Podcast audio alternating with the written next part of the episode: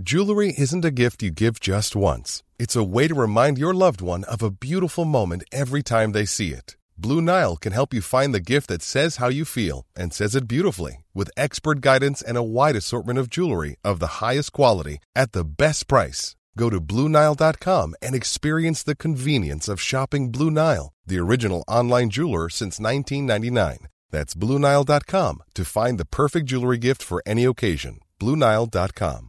Planning for your next trip? Elevate your travel style with Quince. Quince has all the jet setting essentials you'll want for your next getaway, like European linen, premium luggage options, buttery soft Italian leather bags, and so much more. And it's all priced at 50 to 80% less than similar brands. Plus, Quince only works with factories that use safe and ethical manufacturing practices. Pack your bags with high-quality essentials you'll be wearing for vacations to come with Quince. Go to quince.com slash trip for free shipping and 365-day returns.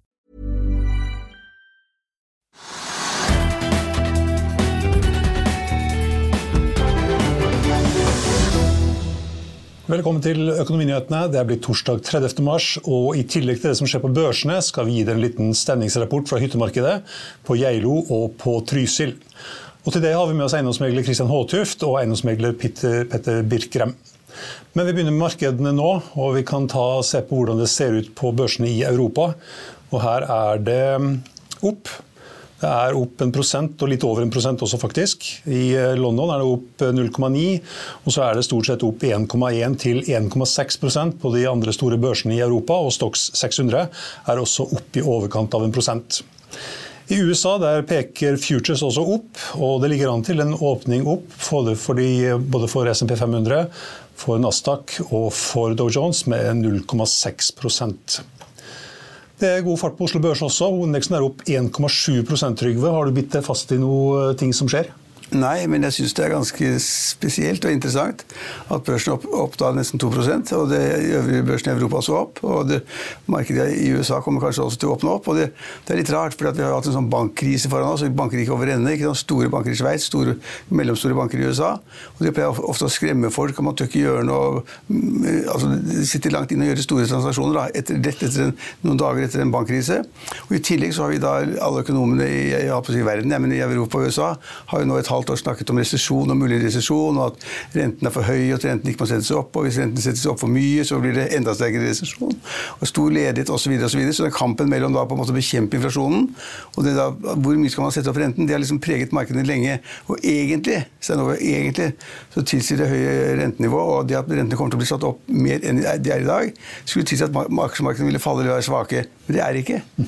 så, ikke i dag i hvert fall. Så læreboken stemmer ikke. Så vi har en oppgang i dag på, som du sa, rundt 2% så det, det, vi ser, er at de tunge, store selskapene, det er oljeselskapene, Equinor, det er Aker BP, det er DNB for den saks skyld. Det er, ja, det er PGS, og det er de store lakseoppdrettsselskapene, Movi og SalMar. De har opp et par prosent, de også. Så de store selskapene, de som betyr noe, de som betyr noe i indeksen, de er opp de er opp. De blir kjøpt, og det er liksom oppgangen av 1-2 og det, det, er imot læreboken. Det skulle ikke være akkurat nå. Nå skulle man være litt forsiktig. Markedet skulle kanskje falle litt, inntil man vet hvor høyt rentene vil gå. Men vi vet at sentralbanken i, i Europa vil sette opp renten. Vi vet at sentralbanken i Norge vil sette opp renten. Så vi vet at rentene går opp for å temme den inflasjonen. Og i dag kom det nye inflasjonstall fra Tyskland, og det viser at prisveksten var på 7,4% Det er mye. Og for å få 7,4% ned til 2, så må renten kraftig opp. Så i grunnen så skulle, vil jeg tenke meg at markedet tenkte nå må vi være forsiktige i dag holder vi liksom ikke noe press, presser ikke kursen opp, men det gjør de. Markedet, markedet med tunge aksjer er kraftig opp. Mm. Og lakseaksjene kommet tilbake òg? SalMar er opp en prosent? Og... Ja, 1-2% i dag også. Og det er fordi at nå vet man hva som skjer. Altså, det var veldig mye usikkerhet. Fikk man denne grunnrentebeskatningen, eller fikk man den ikke? Nå vet man at man får den. Så kan man krangle om det blir en grunnrenteskatt på 35% eller 40% eller mer, hvis SV får viljen sin. Men man, alle som driver oppdrett, vet at de får det. og så regner de litt frem og tilbake, og så har de funnet ut at inntjeningen er så stor, prisen på laks er så høy, at de kommer til å tjene masse penger fremover. Så da tenker man at da kan jeg sitte på disse lakseaksjene mine. Så da blir utbyttet lite, og så kommer en del kjøpere i markedet, og så presser kursen opp. Mm. Jeg ser at uh, Analytiker Alexander Aukner i DNB han sier at uh, Movi, der kan du parkere pengene dine. Ja, det gjorde jeg en gang. du parkerte ikke så lenge, da? For, for, for, noen år siden, men det var så, var så lønnsomt og lukrativt at jeg som er gammel konservativ mann, jeg tok da fortjenesten og gikk. Det skulle man aldri gjort. Ja, 50 er bra, det òg. Man kan parkere de der. Det er et stort selskap, det er verdens største. Mm. Det tjener masse penger, har masse flinke folk. Flink ledelse, flink toppsjef.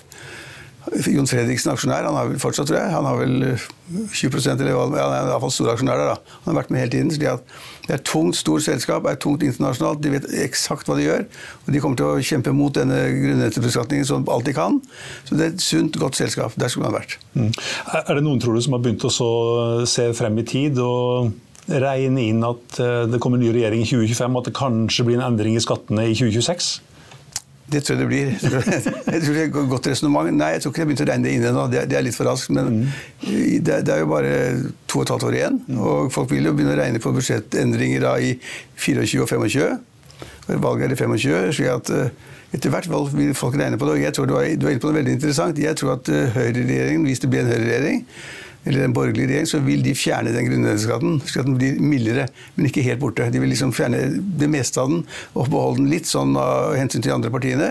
Men de vil da følge oppdrettsnæringens ønsker, det tror jeg. Så det vil bli en lavere beskatning i 25, og 26 og 27, tipper jeg. Det er et veldig godt poeng. Mm.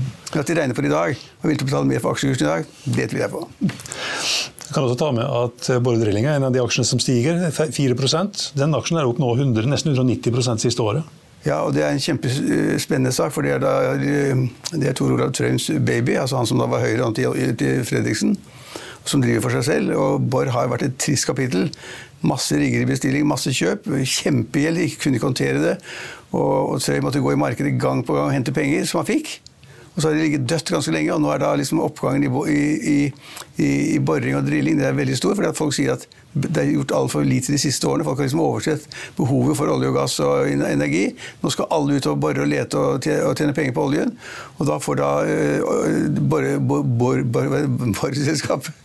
boreselskapene får da en veldig oppdrift, og det har gått hele tiden. Mm -hmm. Det var, en um, svak, ikke helt vellykket spekulasjon som nå viser seg at det er det markedet vi har. Det er da aksjene innen energi, olje, gass og andre ting. Mm. Leverandørsiden. Ja, det, jeg har tatt en liten titt på vinner- og taperlisten her, men der er det egentlig bare småtteri. Eh, både på vinnerlisten og taperlisten. Ja, hvis, du gidder å ha fiskeoppdrett torsk, så har den falt 10 i dag. Ja, den er ned 12 nå, faktisk. Det, det, det ville jeg ikke gjort hvis det var deg. Det er så mye torsk i havet at hvis du skal begynne å ha oppdrett på det så er det skjønne det. Nei, det skjønner jeg. Reise opp til Lofoten og fiske, så bare slipper du snøret, og så får du hva du vil, eller båten er full med en gang. Og, og, og fiskeren tjener masse penger på det, så å drive oppdrett av det, det høres for meg veldig rart ut. Vil du bli oppdatert på det viktigste som har skjedd innen finans og næringsliv? Da er det bare å følge med, for hver morgen er jeg, Marius Lorentzen og aksjekommentator Karl Johan Malnes på plass i studio for å ta tempen på dagens marked i Børsmorgen. Og hver ettermiddag oppsummerer vi alt du trenger å vite i økonominyhetene, og det blir selvfølgelig masse interessante gjester. Klikk deg inn på fa.no-tv, eller søk opp Børsmorgen og Økonominyhetene der du hører på podkast.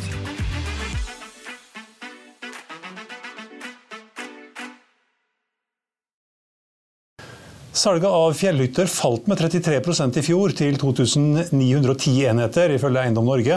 Det var det laveste siden 2015, og ned 37% fra 2020. Hvordan er stemningen i hyttemarkedet nå, i fjellheimen før påske? Vi tok en prat med eiendomsmegler Kristian Håtuft på Geilo for noen minutter siden. Se på dette. Ja, vi har med oss eiendomsmegler Kristian Håtuft på Geilo. Og Kristian, velkommen tilbake. Gikk eh, visningen du hadde nå nettopp bra, eller? Visningen gikk bra, og jeg har nettopp solgt én en enhet, eller faktisk to enheter på formiddagen. Så dette her er jo god innspurt til påsken. Og i går så overleverte jeg en hytte fra noen som kjøpte den rett før helgen, eh, som skulle inn til påsken. Og vi solgte igjen i går også. De skal inn på onsdag. Så det er liksom siste, siste trøkket før påske nå. Så takk eh, himmelen for e-signering av alt mulig, for da går det kjapt å få så lenge folk eh, ikke skal belåne for mye. Ja, det spiller ikke noen rolle uansett, men eh, e-signering gjør i hvert fall at vi kan få ting veldig kjapt på plass og få folk inn i hytta før påske. Er dette her vanlig før påske, eller? Ja, eh, en del ganger så er det faktisk det. Altså, at folk liksom sitter og har ventet litt, og så liksom bestemmer de seg. og så kan Det være, det kan være en av de siste driverne vi har å, for å få dyttet gjennom et salg. Det er at ja da, hvis vi får til overtakelse før påske. Ikke at det på en måte er eh, make it or break it, men, eh, men det kan være den, eh, det som gjør at de, at de tar, tar, avgjørelsen.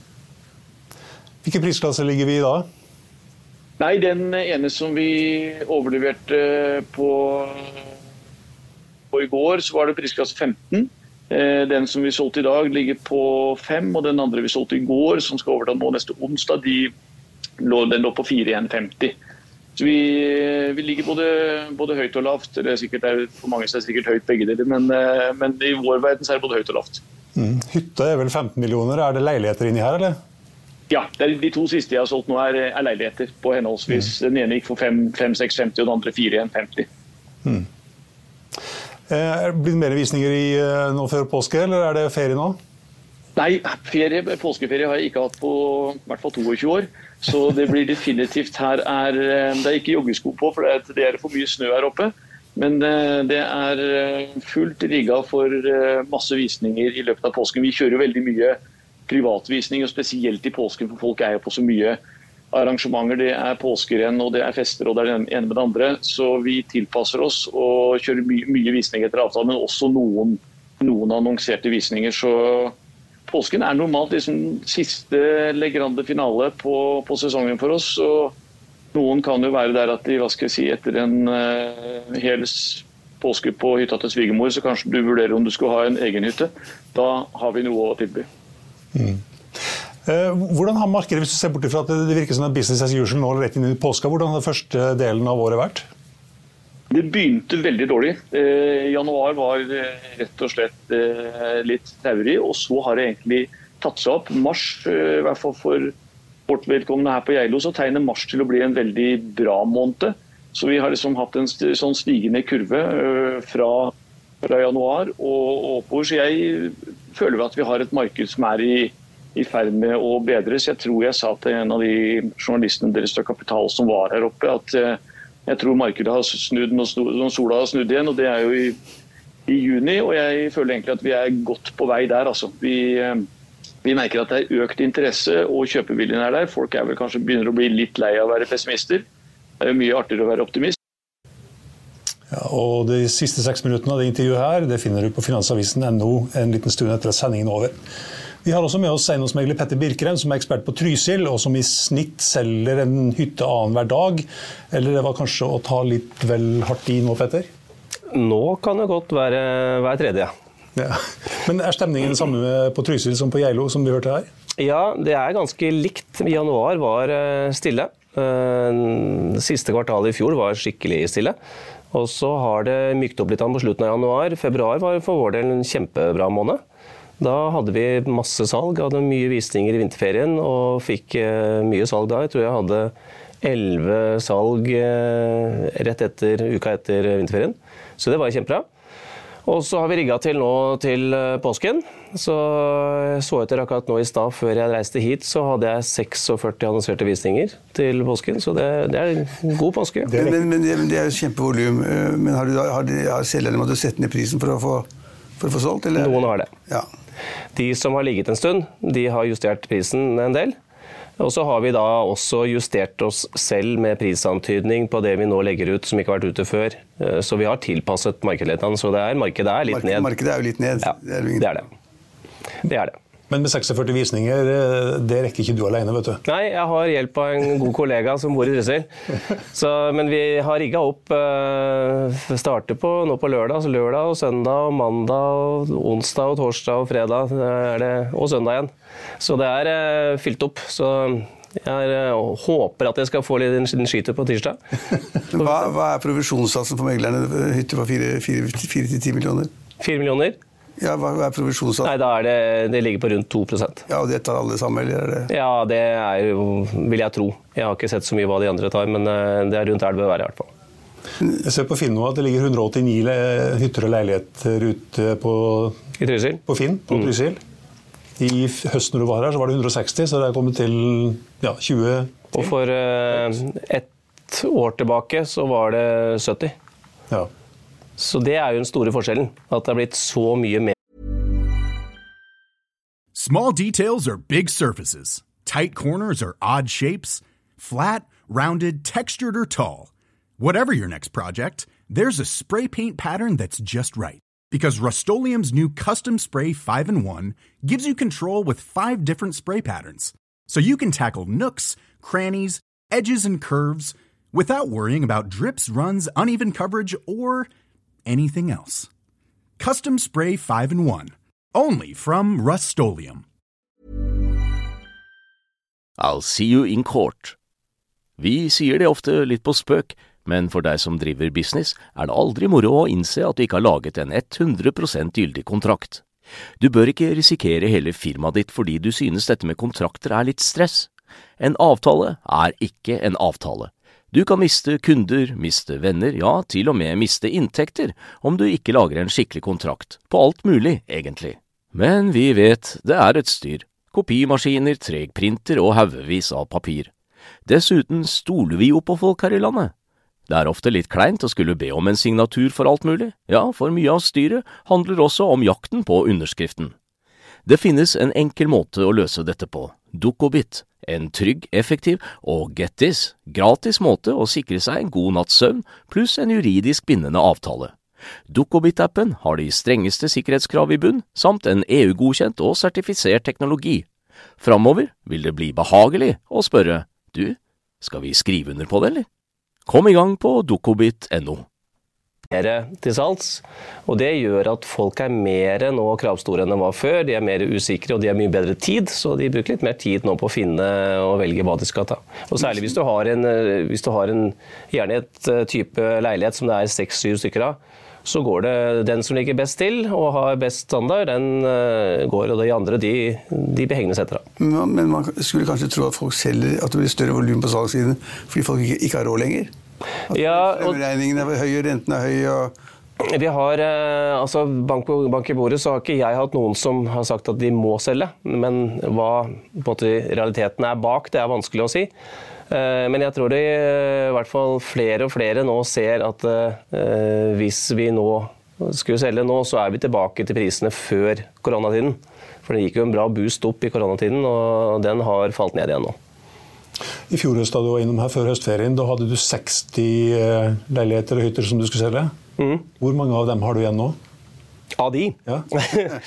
Nei, det håper jeg ikke har så mange igjen av. Det, det har vært litt mer salg enn som så. Men eh, jeg har jo nye nå. Jeg tror jeg har 6-77 eh, enheter til salgs nå. Hvor mange, hvor mange eiendomsmeglere er det da i Trysil? Altså, i tillegg til det? Det finnes noen andre enn meg. Nei, har du alt sammen selv? Hele markedet alene? Ja, det er, eh, det er både en tre til som er der i større og mindre grad. Det er det.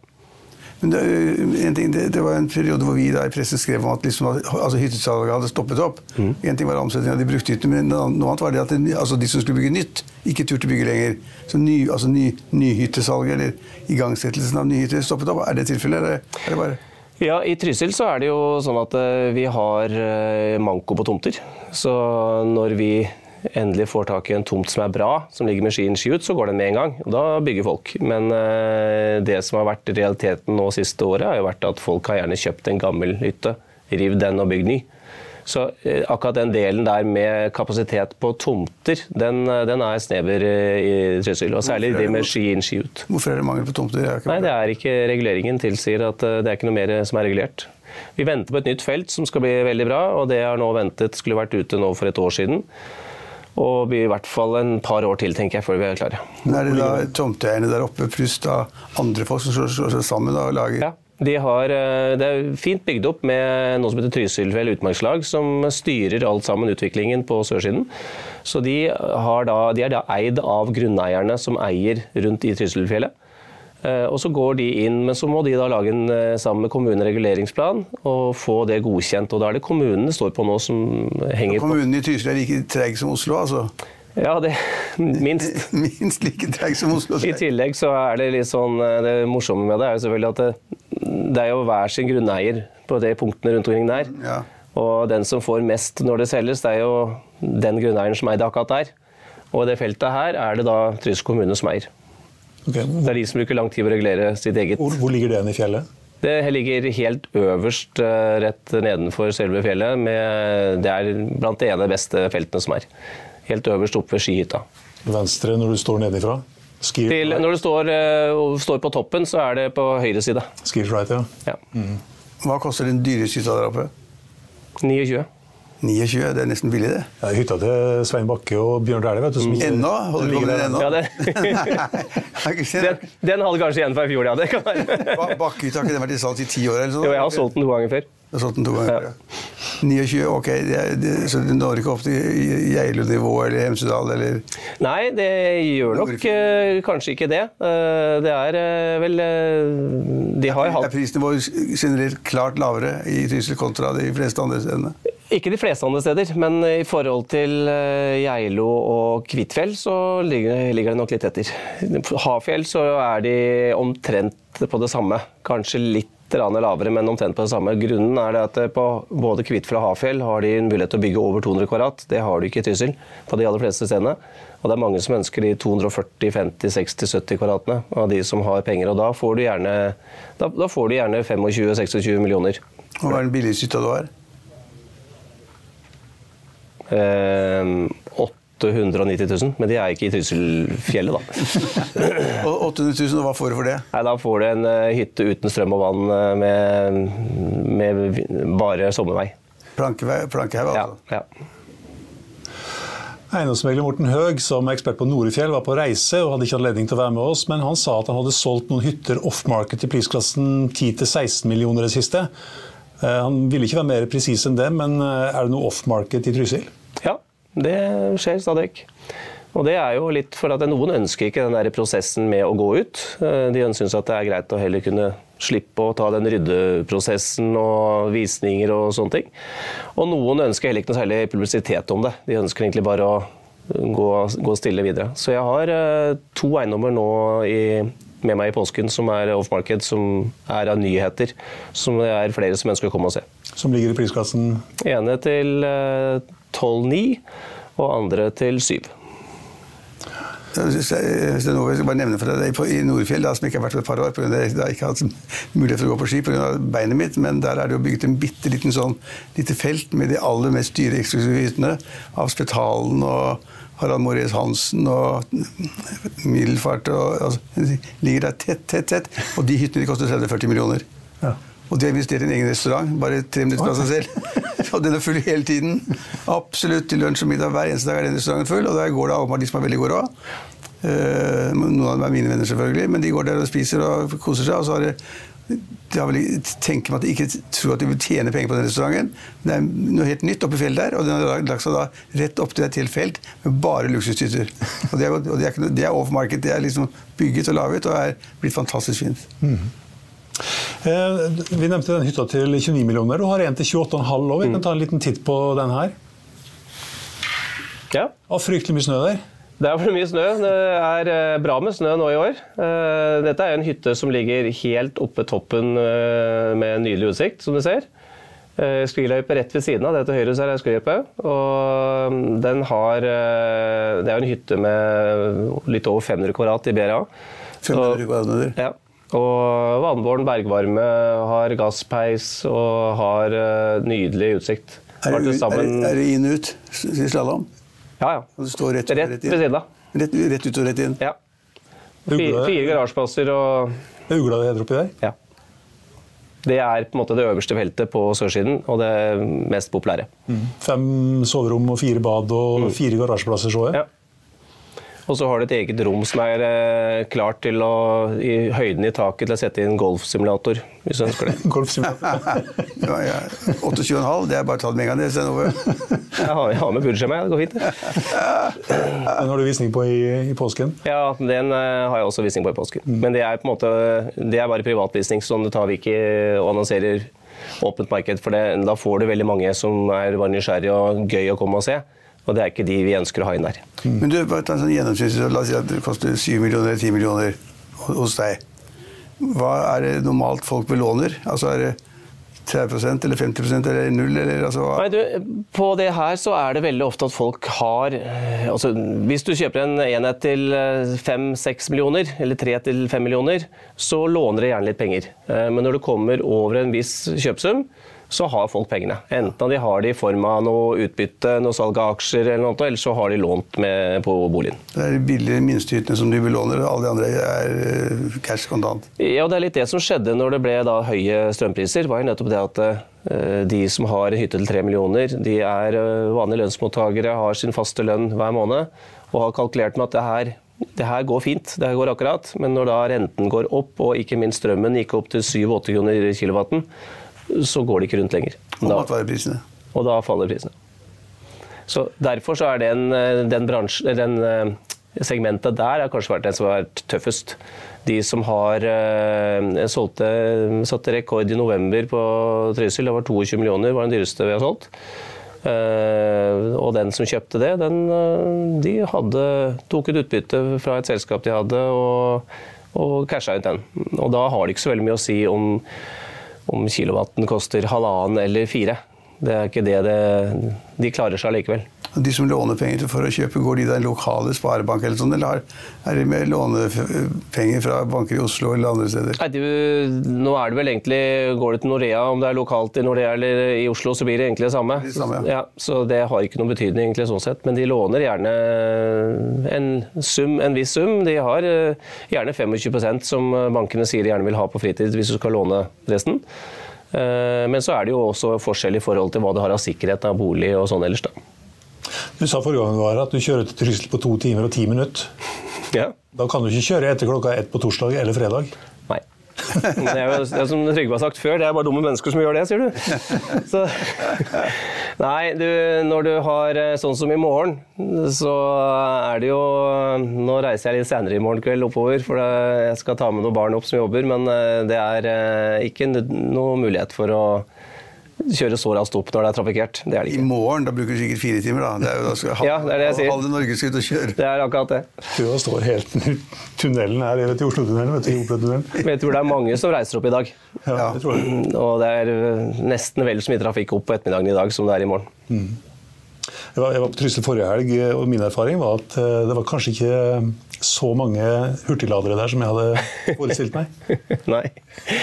Nei, det er eh, Det har blitt mer og mer etter hvert, men nå setter jo folk etter hvert opp også lader på boligen sin og hytta si. Så, sånn sett så har du en eh, De fleste er selvberga. Så kommer turistene opp, så må de finne de offentlige som er. Ja. Det er noen ved senteret der, da. Ja, Nå skal du lade på Elverum, da, da er det kø. Ja, men der er det kommet mer nå. Der er det kommet flere steder. Som Tesla har bygd opp uh, nå tre forskjellige ladestasjoner. Så det, er Elverum, så da... Tesla, vet du.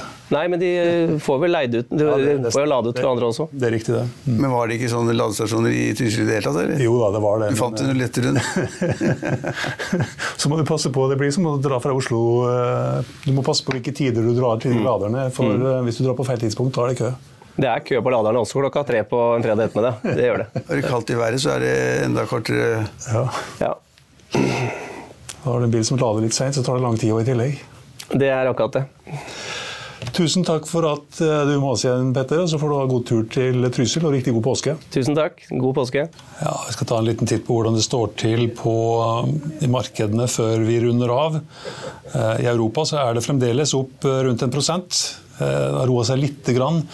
Eh, det er opp 0,7% i eh, London og litt i overkant av en prosent på de andre børsene.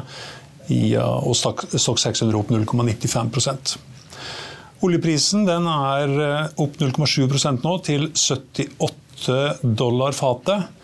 Og på Futures i New York så ligger det fremdeles an til en åpning opp. Ja, nå er det litt Eh, ser litt bedre ut, opp 0,7% både for Dow Jones, SMP 500 og Nasdaq.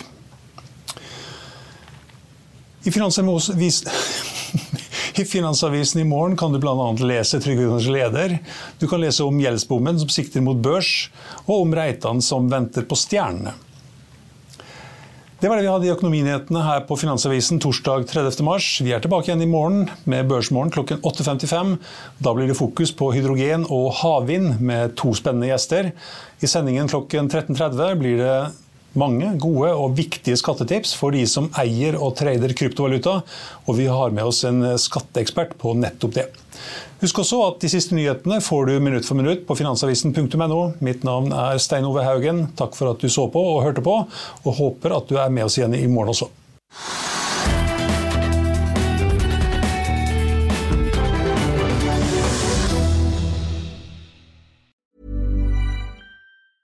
Small details are big surfaces. Tight corners are odd shapes. Flat, rounded, textured, or tall. Whatever your next project, there's a spray paint pattern that's just right. Because Rust new Custom Spray 5 in 1 gives you control with five different spray patterns so you can tackle nooks, crannies, edges, and curves without worrying about drips, runs, uneven coverage, or anything else. Custom Spray 5 and 1. Only from Rust Even when we're on a budget, we still deserve nice things. Quince is a place to scoop up stunning high end goods for 50 to 80% less than similar brands. They have buttery soft cashmere sweaters starting at $50, luxurious Italian leather bags, and so much more. Plus, Quince only works with factories that use safe, ethical, and responsible manufacturing. Get the high-end goods you'll love without the high price tag with Quince. Go to quince.com/style for free shipping and 365-day returns.